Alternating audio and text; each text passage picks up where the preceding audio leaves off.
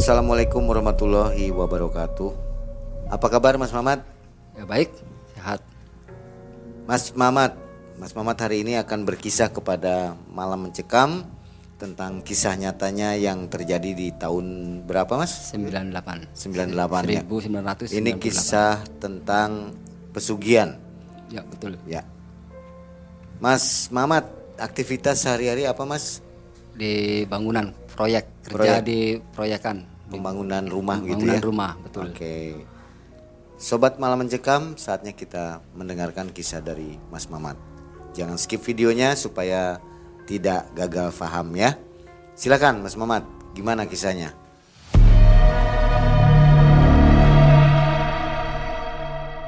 Biasanya berawal dari saya bekerja di proyek di bangunan.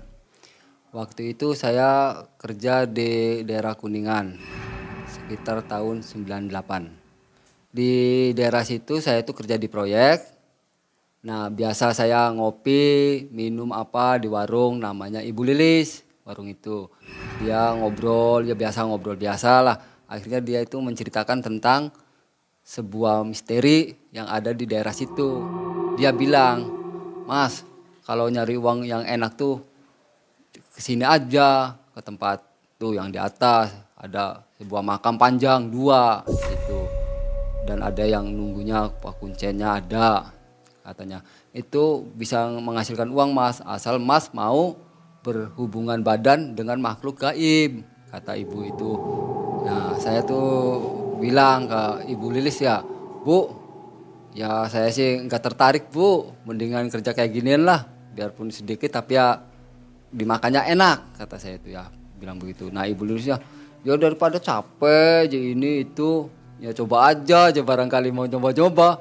Ah enggak ah kata saya itu. Enggak. Nah teman-teman juga ditawarin enggak ada yang mau. Nah udah kerja di situ udah beberapa bulan. Saya tuh udah selesai kerja di situ tuh. Ya nah sekitar bulan Novemberan lah. Nah di situ paman saya waktu itu kerja di pabrik tapi sudah di PHK dia mau hajatan anaknya minjam uang ke temannya nggak dapet ke saudara nggak dapet. Akhirnya dia minjem ke mertua. Bukannya dapat uang malah dikatainya enggak enggak kamu tuh nggak mau usaha kamu tuh orang malas. Kamu itu orang miskin maunya minta aja maunya dibantu aja sama orang tua apalagi sama mertua. Kamu mau jadi apa? Dia bilang gitu. Saya nggak bisa ngutangin ke kamu. Udahlah. Dia pulang dengan merasa sakit hati. Dikatain kayak gitu. Keesokan harinya paman saya menyuruh istrinya untuk ngadep ke orang tuanya untuk minjem uang ya 20 juta untuk hajatan anaknya. Sampai di sana dikatain yang enggak enggak lagi dia bilangnya begini kamu disuruh suami kamu? Iya. Suami kamu mau bayarnya pakai apa? Kerja enggak pengangguran udah kehidupannya ya kayak gitulah lontang lantung. Mau dibayar pakai daun apa pakai batu? Kata bapaknya bapak istrinya itu. Akhirnya istri tuh sambil pulang merasa sedih sambil ya ngucapin orang tua sama anak aja kayak gini kayak sama orang lain gitu. Datang ke rumah istrinya tuh menangis. Bilang ke suaminya apa yang dikatain sama bapaknya? Oh ya udah kalau begitu sih. Berarti kita nggak bisa minjem sama bapak kamu. Iya pak. Ya udah kalau gitu sih. Nah keesokan harinya dia main ke rumah saya minta ikut kerja.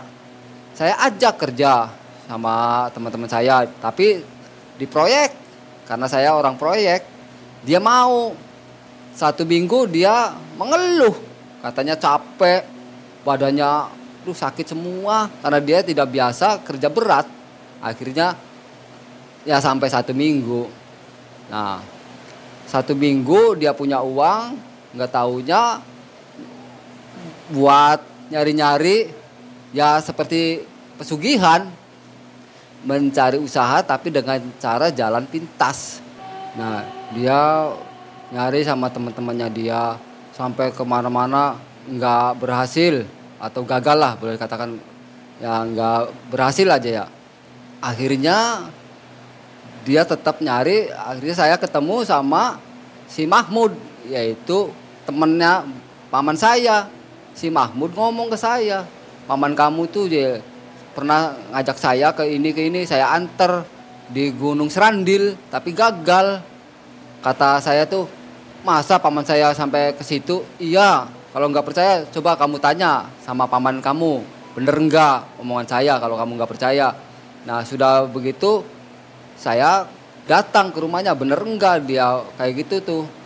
Akhirnya memang kenyataannya benar kok paman sampai segitunya si paman? Kok kenapa larinya sampai ke situ? Habis mau gimana lagi? Usaha nggak bisa. Mau modal modalnya pakai apa? Kerja kamu tahu sendiri ikut ke kamu badan saya capek-capek. Nggak bisa kerja di proyekan. Ya karena saya merasa sakit hati sama mertua saya saya sampaian gelap. Hati saya gelap benar-benar sakit ya boleh dikatakan jadi ada istilah begini masih mending sakit badan daripada sakit hati. Luar biasa sakitnya. Benar-benar saya itu. Nah di situlah saya pikiran untuk cari jalan nyimpang yang cepat cari jalan pintas yang cepat. Kalau bisa paman jangan. Nanti risikonya banyak. Kalau di penyimpangan itu tuh biasanya ada tumbal kata saya itu ya. Kalau nggak anak kadang-kadang istri sudah saya pikirkan kata dianya tuh. Daripada saya dikatain yang enggak sama mertua saya saya benar-benar merasa sakit hati. Dia bilang begitu. Oke okay lah kalau begitu berarti paman tekadnya udah bulat udah bulat. Nih paman saya nggak ngajak nggak nyuruh nih. Ya gimana? Kamu punya teman atau punya kenalan? Ya punya teman enggak punya kenalan enggak tapi saya pernah ada yang ngasih tahu di daerah Jawa Barat juga masih daerah sini daerah Kuningan di bawah kaki Gunung Cermai. Nah, di situ ada tempat pesugihan namanya di situ tuh makam panjang tempat itu tuh dijuluki sama orang itu makam panjang. Nah, saya sempat dikasih tahu sama penjual warungan, penjual minum kopi, rokok. Kalau mau cari uang yang cepet sih ke situ aja. Asal kita mau berhubungan badan dengan makhluk gaib, nanti kamu akan dapat uang dari makhluk gaib itu. Dia bilang kayak gitu, tukang warung itu. Namanya Ibu Lilis. Nah, kuncinya ada. Biasa dipanggilnya si Abah. Kalau orang-orang sini manggilnya Abah. Tuh rumahnya yang itu, warna catnya hijau. Kata Ibu Lilis. Nah, akhirnya paman saya tertarik cerita saya gitu tuh. Biasa ngobrol biasa akhirnya saya pulang. Nggak taunya besoknya dia nyamper ke rumah. Pas hari minggu saya ada di rumah. Nah paman saya itu sampai ngomong bener-bener. Sampai dia tuh memohon dan memelas ke saya tuh minta dianterin ke tempat yang tadi saya ceritakan waktu di rumahnya. Saya tuh sampai ngomong udah jangan. Usaha yang lainnya bisa. Kenapa kok sampai larinya ke situ. Kamu nggak kasihan sama saya? Paman saya bilang kayak gitu. Ya akhirnya saya tuh tersentuh. Akhirnya merasa kasihan. Akhirnya udah kalau paman bener-bener udah tekad bulat sudah yakin dengan kemauan paman dan sudah siap menanggung resikonya apa pun ya saya cuma bisa mengantar kata saya itu. Oke nanti aja habis asar sekitar jam limaan dari sini ke sana nggak terlalu jauh ada motor saya kata saya itu Ya, oke. Kalau begitu. Nah, jam limaan, jam lima saya berangkat sama paman saya.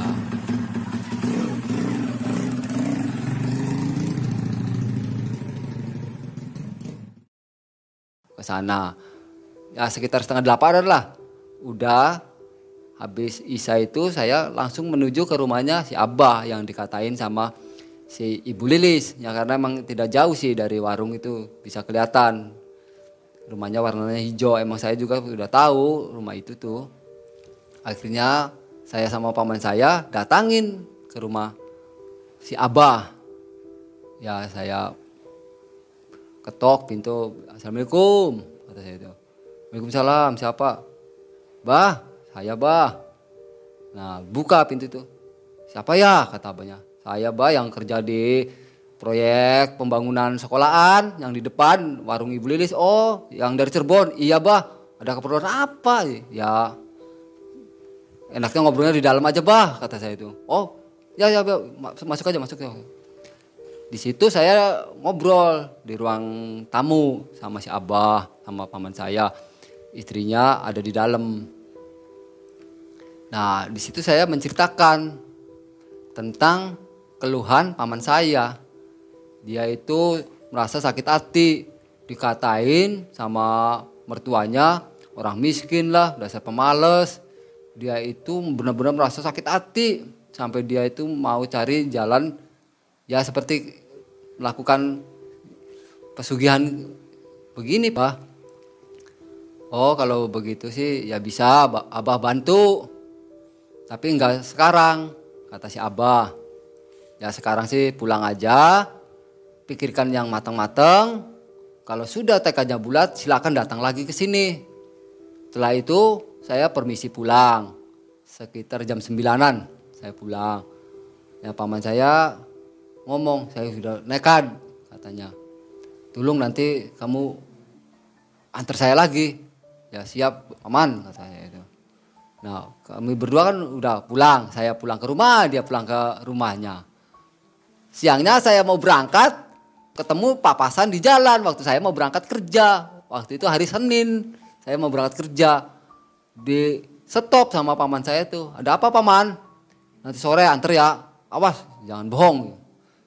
Saya udah jual motor, motor Grand paman dijual. Iya, berapa? Laku 27 sama bandar katanya. Nah, sorenya saya belum datang, paman saya udah ada di rumah. Sudah nunggu di rumah. Saya datang ke situ tuh sekitar jam 5 kurang 15 menit. Nah, paman udah di sini. Iya, nungguin kamu. Takut nggak jadi kamunya. Ya udah sekarang juga berangkat nggak jadi masalah. Tapi mau maghrib paman, ya nanti aja setengah tujuan kata saya itu. Dia nggak sabar. Itu tuh paman saya tetap maksa mau berangkat pada maghrib itu tuh berangkat mau minta berangkat. Ya udah saya siap lah kalau gitu ayo berangkat sekarang juga. Berangkatlah. Tapi alhamdulillah nggak ada halangan sampai datang ke desa itu. Ya sampai biasa ke warung dulu. Ke ibu Lilis ngopi sebentar untuk supaya jangan terlalu buru-buru ke situnya.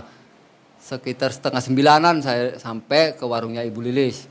Akhirnya saya habis ngopi, saya langsung menuju ke rumahnya si Abah. Assalamualaikum, Bah. Siapa? Saya, Mas Mamat. Oh, masuk masuk. Nah di situ disuruh duduk saya tuh sama, eh, duduk duduk. Istrinya bikinin minuman, disuruh bikin minuman istrinya tuh. Gimana? Ya katanya paman saya teganya udah bulat, bah dia udah nggak bisa dihalang-halangin. Niatnya memang sudah tekadnya sudah bulat, memang inginnya seperti itu. Ya itu sih yang jadi badannya sudah maunya kayak gitu ya saya serahkan ke paman saya. Gimana paman? Iya kata paman saya itu. Apa pun resikonya, apa pun itu saya tanggung jawab sendiri saya akan menanggung sendiri. Kata paman saya, ya udah, Abah tidak bisa ngasih sekarang, Mas, Mas Mamat. Katanya. Kenapa, Bah? Harus ada ritual. Ritual seperti apa? Kata saya itu. Persyaratan. Oke, Bah. So, apa aja yang harus saya bawa persyaratan untuk ritualnya? Minyak, kata si Abah kemenyan putih sama bunga, bunganya bunga kantil sama bunga melati sama kelapa dugan hijau satu. Jangan lupa buah-buahan tujuh rupa. Buah apa aja bah kata saya itu. Buahnya mangga, pisang, apel, buah jambu, kalau itu salak yang dibeli tuh. Terus buah pir sama satunya buah sirkaya.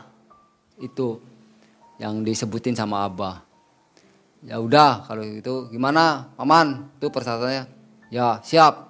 Tapi ada larangan, ada pantangan. Saya kaget. Pantangan apa lagi, Bah? Larangan apa, Bah? Saya nggak ngerti nih. Jadi gini, maaf ya bukan nakut-nakutin. Larangan untuk situ dilarang memakai yang warna putih seperti baju atau kaos atau celana atau topi tidak boleh berwarna putih. Itu larangannya. Jadi kalau memakai warna-warna yang putih, mendingan disimpan aja di rumah abah. Nanti kamu salin. Oh itu pantangan yang dilarangnya. Ya, ya udah bah. Gimana paman?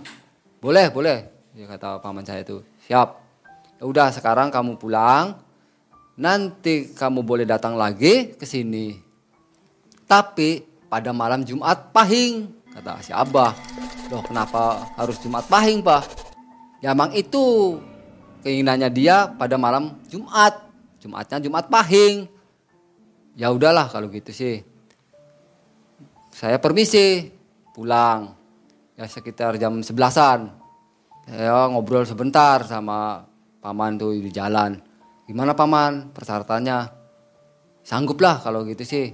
Nggak ada masalah pemotongan seperti hewan gaya paman. Ya kalau itu sih ada uang saya buat sarana ini sih sanggup. Ya udah kalau gitu sih. Seandainya saya sukses, kamu jangan ngomong ke siapa pun, kamu harus bersumpah. Kamu jangan ngomong ke siapa pun. Oke paman, nanti kamu akan saya kasih uang 5 juta kalau saya berhasil. Saya tergiur dengan tawaran begitu. Oke paman. Pulang ke rumah, itu masih di jalannya ngobrol. Sampai di rumah, saya pulang ke rumah, biasa paman pulang ke rumahnya. Pagi-pagi saya masih di rumah, belum berangkat kerja, dia datang. Ketok pintu. Mat, mat. Ya, ada apa paman? Antar saya, ke mana? Beli ini, beli itu je. Yang dikatain tuh je. Jangan keras-keras. oh, enggak. Kita antar pasar aja buat beli ini, ini, nih. Udah kamu jangan kerja, kata paman saya tuh. Nanti kamu saya bayar. Biasa kamu dibayar berapa? Nanti saya ganti. Oke lah kalau gitu sih paman, saya anter pasar. Akhirnya saya nganter di pasar beli sarana-sarana. Kebetulan Jumat yang akan datang itu pahing. Saya lihat di tanggalan pahing. Jadi enggak lama nunggunya. Dari hari Selasa, Rabu, Kamis. Paman saya udah beli minyak. Minta antar beli minyak sama bunga-bunga. Buah-buahan belum beli. Cuma hanya minyak sama itu aja. Menyan, menyan putih sama bunga-bunga. Hari Kamis paman saya datang lagi minta antar lagi buat beli buah-buahan. Ya saya antar lagi. Akhirnya sore datang lagi paman saya itu. Gimana nih? Persyaratan udah siap? Kamu udah siap? Ya saya sih selalu siap paman. Ya udah mumpung masih jam segini masih enak kita ngobrolnya aja. Nah setelah itu ngobrol-ngobrol-ngobrol akhirnya jam 3 hampir lebih jam 3.10 lewat 10 akhirnya saya berangkat. Saya berangkat sama paman saya.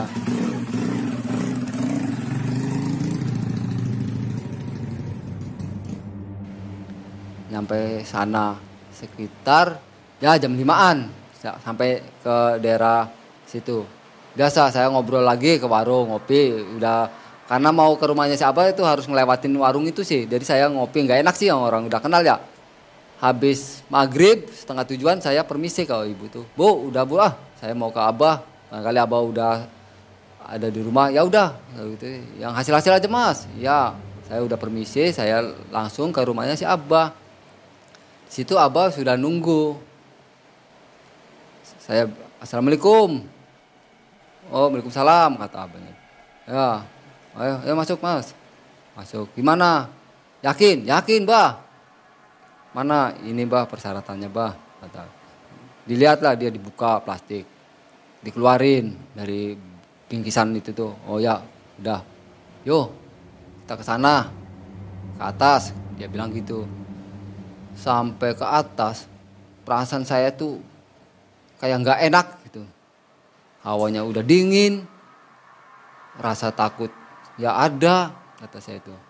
Ya, di situ masuk ada gapura, tapi bukan gapura sih, seperti pintu lah. Masuk ke dalam. Nah, dari situ ada seperti pagar. Pagar itu seperti ditutup pakai kayu, kayu yang udah ditata, ditata seperti pintu lah, dibuka sama si abah tuh. Baunya nggak enak. Saya masuk tuh baunya bener-bener amis, seperti bau bangkai. Begitu pintu dibuka tuh masuk, abah nengok ke saya, saya sempat nutupin, nggak boleh kata abahnya, kamu nggak usah takut, saya gini tapi saya tetap nahan itu hawa itu tuh nggak ketahan. Akhirnya ada pintu lagi masuk ternyata di situ ruangan. Ya tiga meter persegi lah. Segitu ya situ gelap abah membawa ternyata yang dibawa sama abah itu di dalamnya itu sebuah pelita seperti lilin kecil dia nyalain taruh di tempat yang biasa tempat lilin sama sarana-sarana yang dibawa sama si Abah situ. Kamu duduk situ kata Abah. Saya duduk berdua. Abah nyalain lampu. Bakar kemenyan si Abah. Saya ngeliatin aja caranya Abah itu. Seperti itu, bunga-bunga ditaburin, minyak di gini-giniin di, di setiap ruangan itu tuh.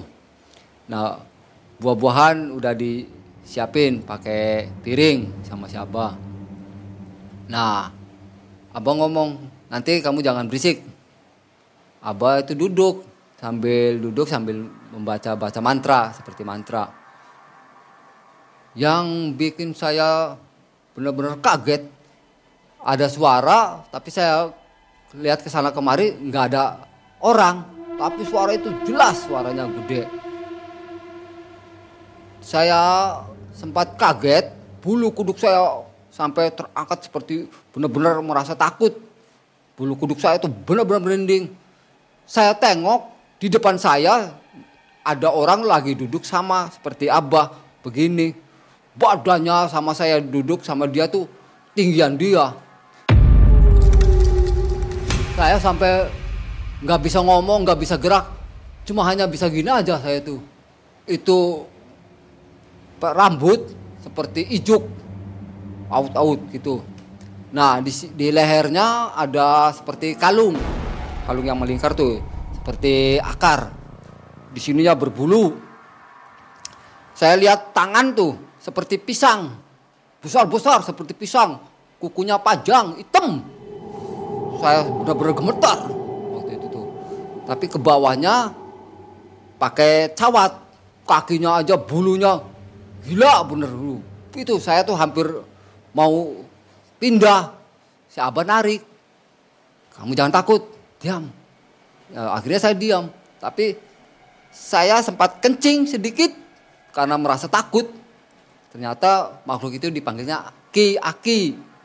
Aki, udah jelas. Ki, dia saya lihat tuh hilang, nggak ada, nggak ada tampak yang tadi tuh nggak ada. Saya sempat nanya, seumur hidup saya baru ngeliat makhluk yang seperti ini benar-benar mengerikan. Ya udah gitu beberapa menit ada angin meniup tirai. Ternyata di situ ada tirai dan ada tempat tidur. Si Abah nahan itu pelita supaya jangan padam.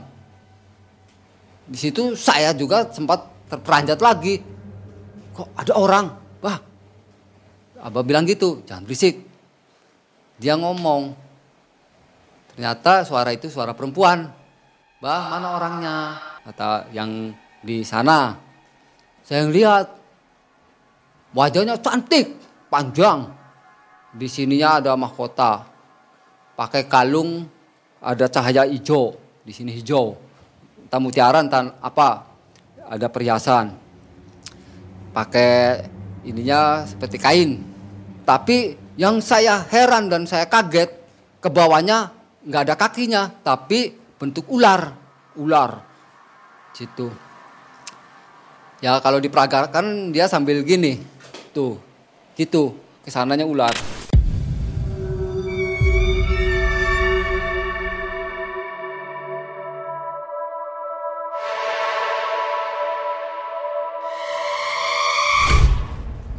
Bergerak-gerak tapi dianya tiduran gini.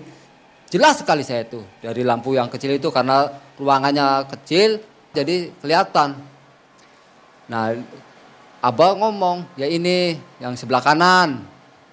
Abah nyuruh. Paman itu ke sana. Nyampe ke tirai si pelita itu ditiup sama siapa?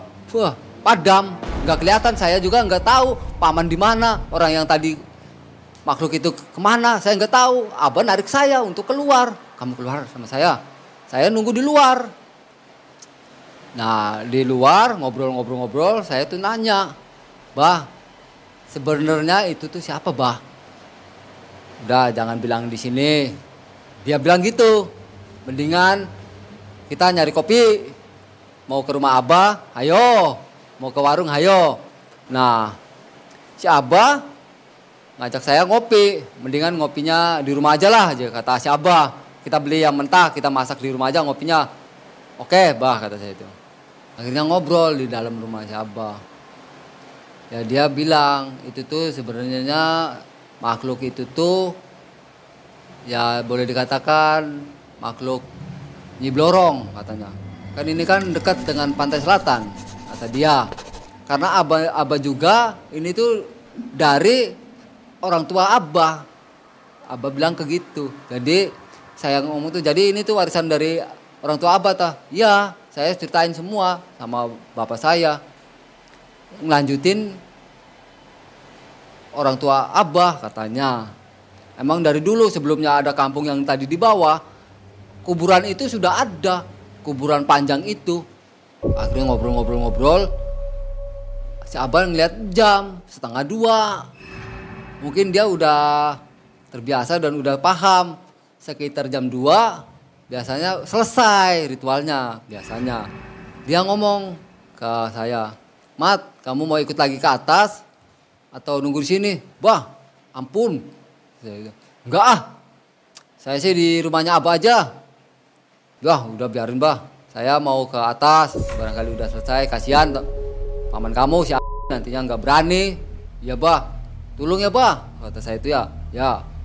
Akhirnya ya jam 2 lewat 20 menit. Hampir setengah tigaan tapi belum setengah tiga. Dua orang datang itu itu. Ternyata si abah sama paman saya. Ngetok pintu. Ya karena saya udah itu sih ya udah kenal suara si Abah. Tok tok tok. Ma kata si Abah. Eh, bah, dibuka pintu yang datang itu si Abah sama paman saya. Paman, ya mat. Nah di situ ngobrol, duduk ya sebelah saya ngobrol. Saya sempat nanya apa aja paman. Si abang ngomong bicaranya jangan di sini kata siapa. Nanti aja di rumah. Oh ya maaf bah kata saya dia maaf ya. Nah paman saya ngomong dikasih ini kotak. Nah paman saya nanya sama si abah bah boleh nggak saya buka kotak ini?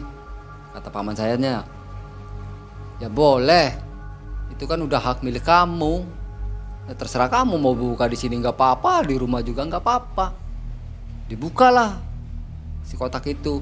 Dia terperangkap saya juga sempat kaget sempat terperangkap uang banyak gitu. Ini uang atau bukan kata saya itu.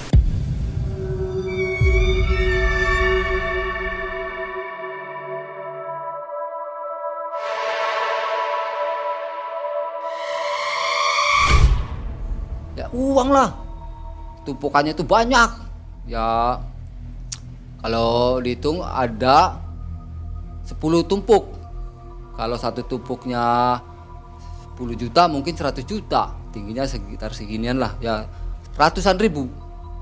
Ratusan ribu yang gambarnya Soekarno yang bunga mawar. Setengah uang setengah perhiasan ya saya lihat tuh ada gelang. Eh, apa kalung. Seperti itu ya saya sempat megang. Kencring suara kencring gitu. Bener asli kata saya itu ya. Udah kamu simpan. Simpan.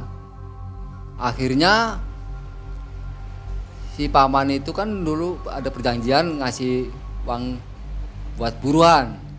Katanya minimal 7 bisa sampai 10 nah saya dikasih 5 juta sama paman saya. Nih kamu 5 juta. Hitung dulu saya hitung uang itu. Saya sempat gini si abang merasa tersinggung. Kamu nggak usah takut itu uang palsu katanya. Kalau uang palsu saya nggak bakalan nerima kata si abah tuh. Saya pikir iya ya pak. Ya udahlah saya kantongin. Akhirnya nggak ngitungnya nggak terus. Percaya aja lah saya kantongin. Ngobrol-ngobrol-ngobrol sekitar jam 3 akhirnya permisi kamu itu pulang bahkan abah sempat ngomong ya ini sih jangan sampai situ merasa menyesal atau merasa bersalah atau menyalahkan saya atau menyalahkan si Mas Mamat. Ya Mas Mamat. Iya bah kata saya itu.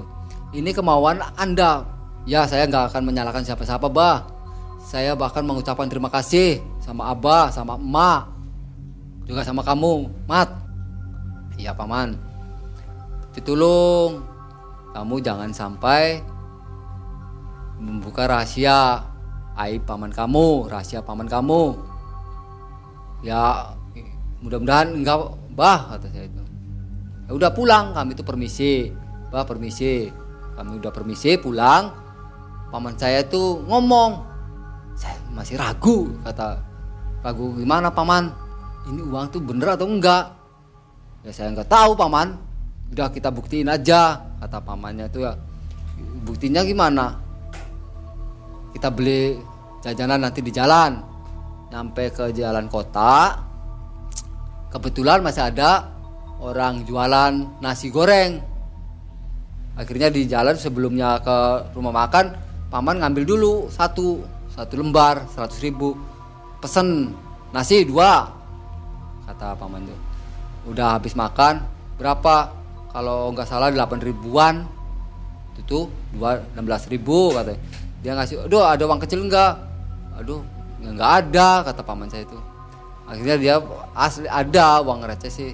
Tapi ya laku buktinya dapat kembalian. Setelah itu ya pulang. Kan udah pulang ya saya pulang ke rumah paman pulang ke rumah. Saya nggak kerja karena capek ngantuk. Jadi kebablasan tidurnya. Jam 10 saya dibangunin sama paman tuh. Kata pamannya mat antar saya ke mana? Nyari motor katanya. Kan motornya kan dijual. Tentang punya uang ya udah nyari aja dulu. Ya udah kata saya itu nanti ke bandar itu aja Pak Didi namanya. Mahal-mahal. Terus ke mana? Kata saya itu ya. Yang barulah. Dari toko dealer ya di sana. Kata saya itu ya di Gunung Sari paman. Ya udah ke sana ayo. Kata dianya tuh duh masih ngantuk. Besok aja paman lah. Ya udah aja kata dianya tuh. Nah besok besoknya nyamper lagi saya anter. Beli motor yang baru. Harganya 7 juta. Kalau nggak salah sih Supra motor Supra. Kata istrinya motor itu punya temennya katanya. Buat bisnis katanya. Ditanya sama istrinya tuh.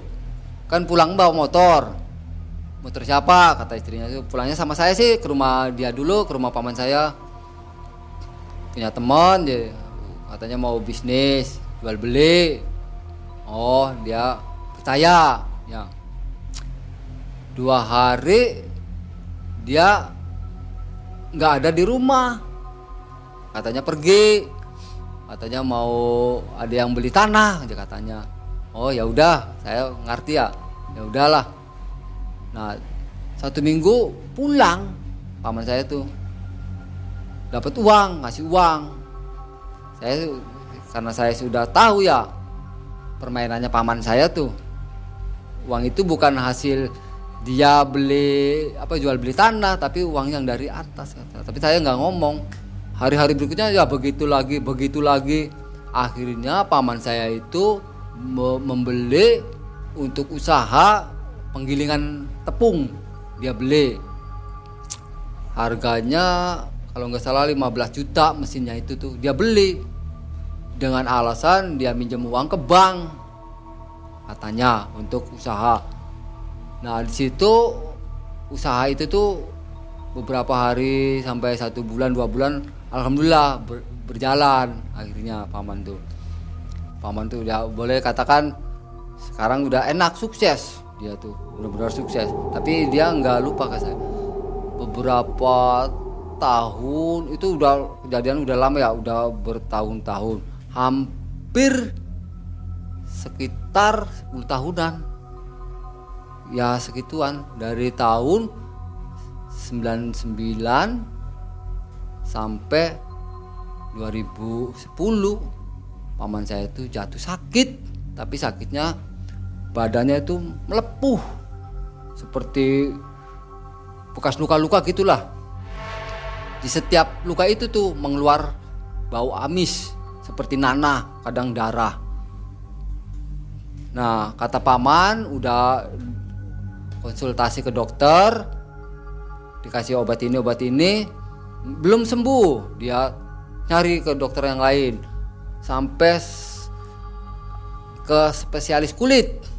Sampai si dokternya aja nggak percaya itu luka kayak gitu nggak bisa disembuhin yang namanya suntik udah sering paman saya disuntik. Luka kayak gitu tuh ini seperti luka bakar katanya. Disuntiknya pakai ini obatnya ini tetap akhirnya saya ngomong ke paman saya paman coba ke orang yang ngerti orang ya seperti dukun atau paranormal kata saya itu. Emangnya saya kena apa? Ini sih barangkali paman kata saya itu. Nah dua hari saya anter namanya wasamid. Kata wasamidnya ini penyakit tuh seperti bukan penyakit biasa mas. Saya lihat dari batin saya nggak ada makhluk-makhluk yang nyerang kemas nggak ada yang sirik ya. kayak ini kayak penyakit kutukan ya. saya ingat lagi 10 tahun yang lalu apakah ini gitu? Dampak dari hubungan itu. Tapi saya nggak ngomong ke dukun itu tuh pas Hamidu udah saya diam aja. Pulang kita tuh. Tiga hari saya kerja di daerah Kecapi. Saya di bel sama istri saya. Pak ya ada apa bu itu sekitar jam 10 pagi paman meninggal. Innalillahi kata saya itu Innalillahi wa innalillahi kamu jangan bercanda. Bener pak. Udah bapak pulang aja kalau nggak percaya sih. Cepat akhirnya saya pulang. Dalam perjalanan saya tuh sambil nahan sedih memikirkan ke atas ke sana yang dulu. Apakah udah diambil paman tuh kata saya tuh apakah dia tuh meninggal tuh penyakit ini atau ada perjanjian sama itu. Saya tuh bertanya-tanya kalau saya nggak waspada bisa nabrak tuh saya tuh. Pikiran saya kosong. Mikirin kejadian peristiwa paman saya.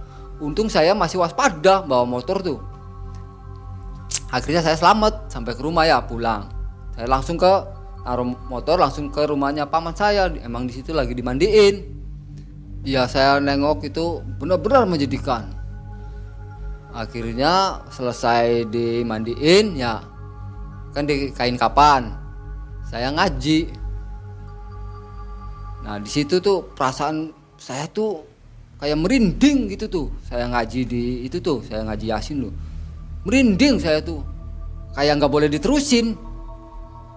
Sampai saya ya Allah kata saya tuh. Nah dilanjutin lagi akhirnya sampai selesai saya ngaji tuh. Nah malam pertama itu malam tahlil pertama itu ada kejadian ganjil pada diri saya. Orang-orang habis tahlil jam setengah sembilan bubar pulang saya enggak ngobrol biasa ngobrol sama keluarga-keluarga. Sampai jam 11 lewat 10 menit saya permisi pulang. Kata saya itu saya B saya pulang ah. Nah, besoknya mau kerja. Ya udah aja. Saya pulang sampai lewat ke pekarangan rumah mau ke jalan seperti ada yang manggil-manggil. Mat mat. Saya nengok. Perasaan saya udah merinding. Saya jelas itu suara paman saya. Orang paman sendiri setiap hari sering ngobrol ya jelas nggak ada. Nggak ada orang. Mat mat. Ya Allah. Paman saya bukan katanya. Nah begitu saya nengok nggak ada orang-orang jalannya nambah kenceng saya itu pulang tuh. Ternyata sampai di rumah saya nggak bisa tidur. Mau ditidurin susah. Sampai ada kejadian lagi. Yang ganjil. Motor yang biasa saya naik sama paman saya tuh udah standarin. Tiba-tiba roboh. Padahal di dalam rumah nggak ada angin. nggak ada binatang yang nenggor. Walaupun uh, umpamanya ada tikus tak kucing, nggak mungkin bisa jatuh Jublag, saya kaget. Bu, suara motor jatuh. Tadinya gimana naruhnya? Standarnya nggak kenceng. Ya. Oh, saya kenceng bu, kata saya. Terus setiap hari juga kayak gitu naruhnya. Kok tiba-tiba motor itu rubuh? Firasat apa kata saya. Tapi saya nggak ngomong sama istrinya. Ya udahlah, gitu ya. Saya angkat lagi, berdiriin sampai saya lari karena lari itu saya ngelihat ada bayangan seperti bayangan orang saya begitu buru-buru betulin motor saya masuk tabrak pintu. Istri saya marah-marah. Di rumah sendiri itu jalan nggak bener kata istri saya itu. Bu bu ada orang berdiri. Mana? Kata istri saya itu ya. Tapi memang kenyataannya mungkin ada mungkin enggak tapi ini tuh bulu kuduk sempat merinding juga sih. Nah udahlah kata istri saya udah suruh kamu si penakut kata. Tidur saya itu coba rebahkan diri ambil saya tutup pakai sarung. Tetap nggak bisa tidur akhirnya sampai pagi nggak tidur saya tuh. Nah malamnya saya nggak mau tahlil. Bu nggak tahlil lah. Kamu tuh gimana? Tuh paman tuh sama kamu tuh akrab banget. Atau istri saya tuh. Nah udah itu biasanya pulang sampai jam 11 ya saya ikut pulang bareng-bareng ke teman karena takut. Nah sampai ke tujuh harinya itu yang terakhir ya tujuh ke tujuh hari saya pulang.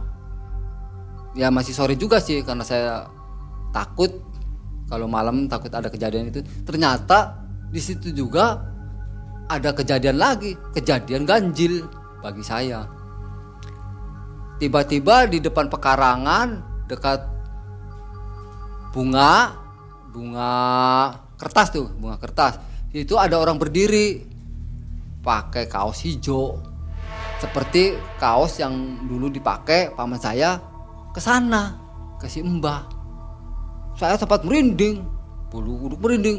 Bahkan saya juga sempat mundur. Kebetulan di samping saya ada orang yang tadi ikut talilan. Weh, kamu gimana sih jalan tuh? Mang, itu ada itu paman tuh. Mana kamu ngarang kata orang yang di sebelah saya itu Mang Apud itu Mang Apud di bunga. Nggak ada. Saya tuh sempat ya kaget itu dia. Masa sih pak mang apun nggak ngeliat sih dia ngerasain bulu kuduk. Ih merinding sih kamu bilang-bilang itu aja. Padahal saya merinding ya. Pulang, ah. Ya. saya sama dia tuh balapan jalan tuh sampai ke rumah tuh. Balapan. Nah udah pulang sampai rumah istri sampai nanya. Saya berkemeringat keringat dingin. Pak ada apa sih pak? Sampai keringat seperti orang ketakutan. Bu ya ini sih ibu boleh percaya boleh enggak tadi saya sama-sama Mang Apudo lihat di depan rumah di bunga di depannya bunga kertas lagi berdiri pakai kaos hijau celana lepis. Mas orang meninggal hidup lagi? Ya nggak tahu. Tapi Mang Apu juga ngerasain hawa merindingnya kata saya. Tapi saya ngelihat. Kalau nggak percaya tanya sama Mang Apun udahlah mungkin itu perasaan atau karena kamu terlalu dekat bayangan kamu aja. Ya setelah kejadian itu baru saya cerita ke istri saya bu sebenarnya paman kamu tuh nggak wajar meninggal tuh. Orang meninggal nggak wajar. Yaitu ada sebab musababnya bu dulu pernah nganter bapak tuh nganter paman ke tempat pesugihan. Masya allah nggak benar benar kata saya tuh. Ya istri saya sama bilang gitu. Terus ya itu kekayaan itu tuh aslinya dari situ bu. Ya saya juga sempat ngomong jangan tapi paman udah memaksa. Nah mungkin paman itu diambil umurnya itu mungkin ada perjanjian sama makhluk gaib itu yang nggak tahu bu kata saya itu. Atau penyakit itu dari hubungan itu yang nggak tahu saya bu. Tapi kenyataannya seperti itu bu. Ya udah besok bapak sama ibu ke rumahnya bibi. Istrinya tuh.